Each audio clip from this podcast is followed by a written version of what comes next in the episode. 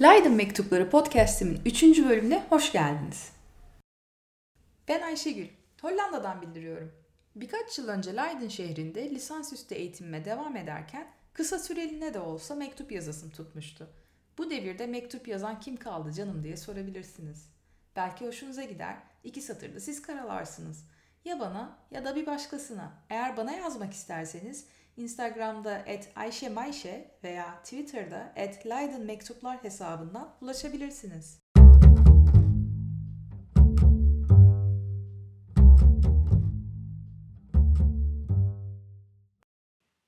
Üçüncü mektup 8 Eylül Cumartesi Canım Brüksel'den Rotterdam'a giden trendeyim. O istasyonda inip Leiden'a devam edeceğim. Orada başka bir trene bineceğim. Tren çok kalabalık değil ama bolca çift kişi seyahat eden yolcu var. Susmak bilmiyorlar. Farklı diller duyuyorum. Fransızca, İtalyanca, İngilizce, Hollandaca. Ben de Türkçe yazıyorum işte. Beynel milal bir vagondayım anlayacağım. Belçika'nın kasabalarının arasından geçiyoruz. Tarlalar, inekler, ağaçlar, ırmaklar, köprüler aşıyoruz. Yavaş gittiğimizi söyleyemeyeceğim. Aklıma geri geri giden İstanbul trenleri geldi.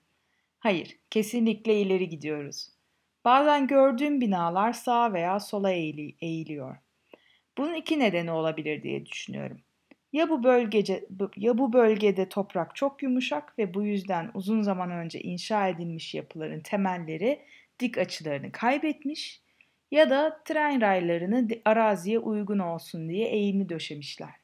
İçimdeki mühendis yine teknik sorulara cevap arıyor. Antwerp durağına gelmişiz.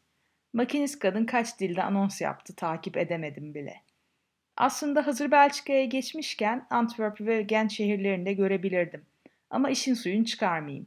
Nasıl olsa Brüksel'i ve Brüj'ü M ile gezdim ve hatta kızın evinde planladığımdan fazla kaldım. İkimiz de çok memnun olduk birlikte gezmekten. Şimdi bu istasyonda insem, şehri yanımda ana dili bilen biri olmadan gezeceğim. Bilmiyorum. Son iki gündür Belçika eşittir M oldu benim için. Bana biraz Fransızca da öğretti hem. Güzel telaffuz edebiliyormuşum. Öyle dedi.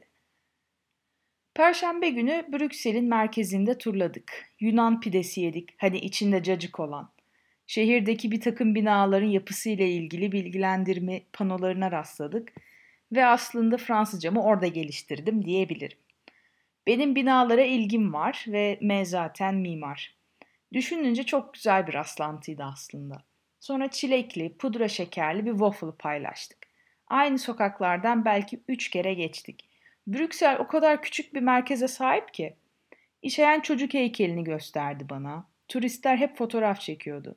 Bu heykelin başka versiyonlarını da yapmışlar.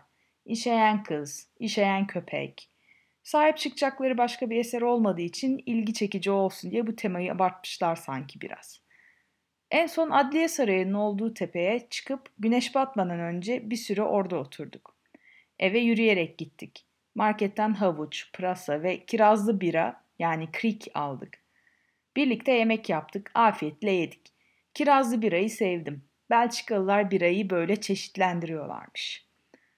Cuma günü ise Brüj'deydik. Aslında Belçika'nın Hollandaca konuşulan bölgesinde olduğu için Brugge diye okumak gerekirmiş. Bense Fransızca telaffuzunu daha çok sevdim.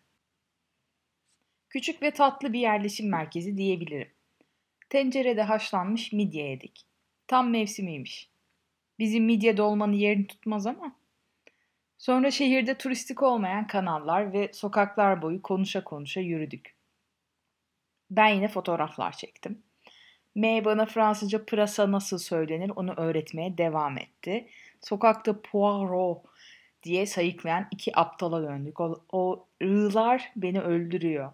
Bu arada kontrolör biletimi sordu. Gitti. Şehri çevreleyen kanala varınca bir tepede yel değirmeni gördük. Tepenin etekleri hep çimendi. Yürümekten biraz yorulmuş olduğumuz için ayakkabılarımızı çıkarıp çimlere serildik. Güneş tepemizdeydi. Saat ise yedi. Gökyüzü masmaviydi. İstasyona geri dönerken saklı bir bahçe bulduk. Güzel kokulu kocaman yaseminler vardı. Mektup burada bitiyor. İzlenimlerime gelince Avrupa'da öğrenciyken gezmek gibisi yok. Üstelik çok da yakına gitmişim. Hemen burnumun dibindeki Belçika'ya. Düşününce iyi gezmişim ya. Yalnız hala Antwerp ve Gent'e gidemedim. İçimde bir uktedir. Ama kaçmıyorlar o yüzden giderim canım bir ara. Arkadaşımın adını May diye kısalttım. Bundan sonra başkalarından da bahsederken kimliklerini gizlemek için böyle devam edeceğim. Bilginize. May ile çok güzel vakit geçirmişiz. Arkadaşlığımız hala sürüyor. Daha sonra bir kere de Paris'te buluştuk ve trende sohbet ede ede ülkelerimize geri döndük. Ah, ülkelerimiz dedim. Yani Hollanda'yı ülkem olarak kabul etmişim demek ki. Bak sen şu bilinçaltımın yaptığına. Kendimi Leiden'lı olarak tanımladığım için olabilir mi acaba? M ile Fransızca maceram orada kaldı sanmayın. Son zamanlarda bizim şirketin kafeteryasındaki yine Belçikalı P ile sık sık alıştırma yapıyorum. Size mesela şunları sıralayabilirim. Bonjour, je veux un cappuccino s'il vous plaît. Merci. Evet Fransızcam biraz e, cappuccino ısmarlamaktan ibaret. Ve bir iki çalışmak istememek üzerine olan şarkı sözünden. Hani Pink Martini'nin Simpatik diye şarkıları var ya nakaratı şöyle hatta. Je veux ne... Sorry. E, pardon. e, je ne veux pas travailler. Je ne veux pas déjeuner. Je veux seulement oublier. Et puis je fume. Ee, sözleri tercüme etmekle uğraşmayacağım. İsterseniz bulursunuz. Fransızca pırasa demek olan Poirot, Poirot hatta e, adeta Agatha Christie'nin ünlü dedektif karakteri olan Monsieur Poirot gibi okunuyormuş. Bunu daha önce neden düşünmemişim diye merak ettim. E, bu dile burnumu yeterince sokmuş olduğuma karar verip ayrıca üstüne Hollandaca ve birazcık da Arapça öğrenmiştim geçtiğimiz zamanda. Hadi Hollanda'da yaşıyorum da neden Arapça diye sorabilirsiniz iş sebeple. Ama unutmama ramak kaldı. O da öyle. Harfler var da gramer yok, kelimeler yok. Sonra bir de krik birasından bahsedeyim de arkamdan ağlamasın. Bu vişnenin fermente edilmesinden elde edilen birayı daha sonra B adlı başka bir arkadaşımla bu kez Amsterdam'da tekrar keşfetmiştim. Ama meğer kendisini tanıyormuşum biranın. Böyle hafif mayhoş bir tadı vardır. İçimi kolaydır. Tavsiye ederim. Yeri gelmişken 18 yaşından küçükleri alkol, sigara ve ağır madde kullanmamaları açısından uyarmak istedim. Bu da benim minik kamu spotum olsun. Haftaya kadar sağlıcakla kalın. Sevgiler Ayşegül.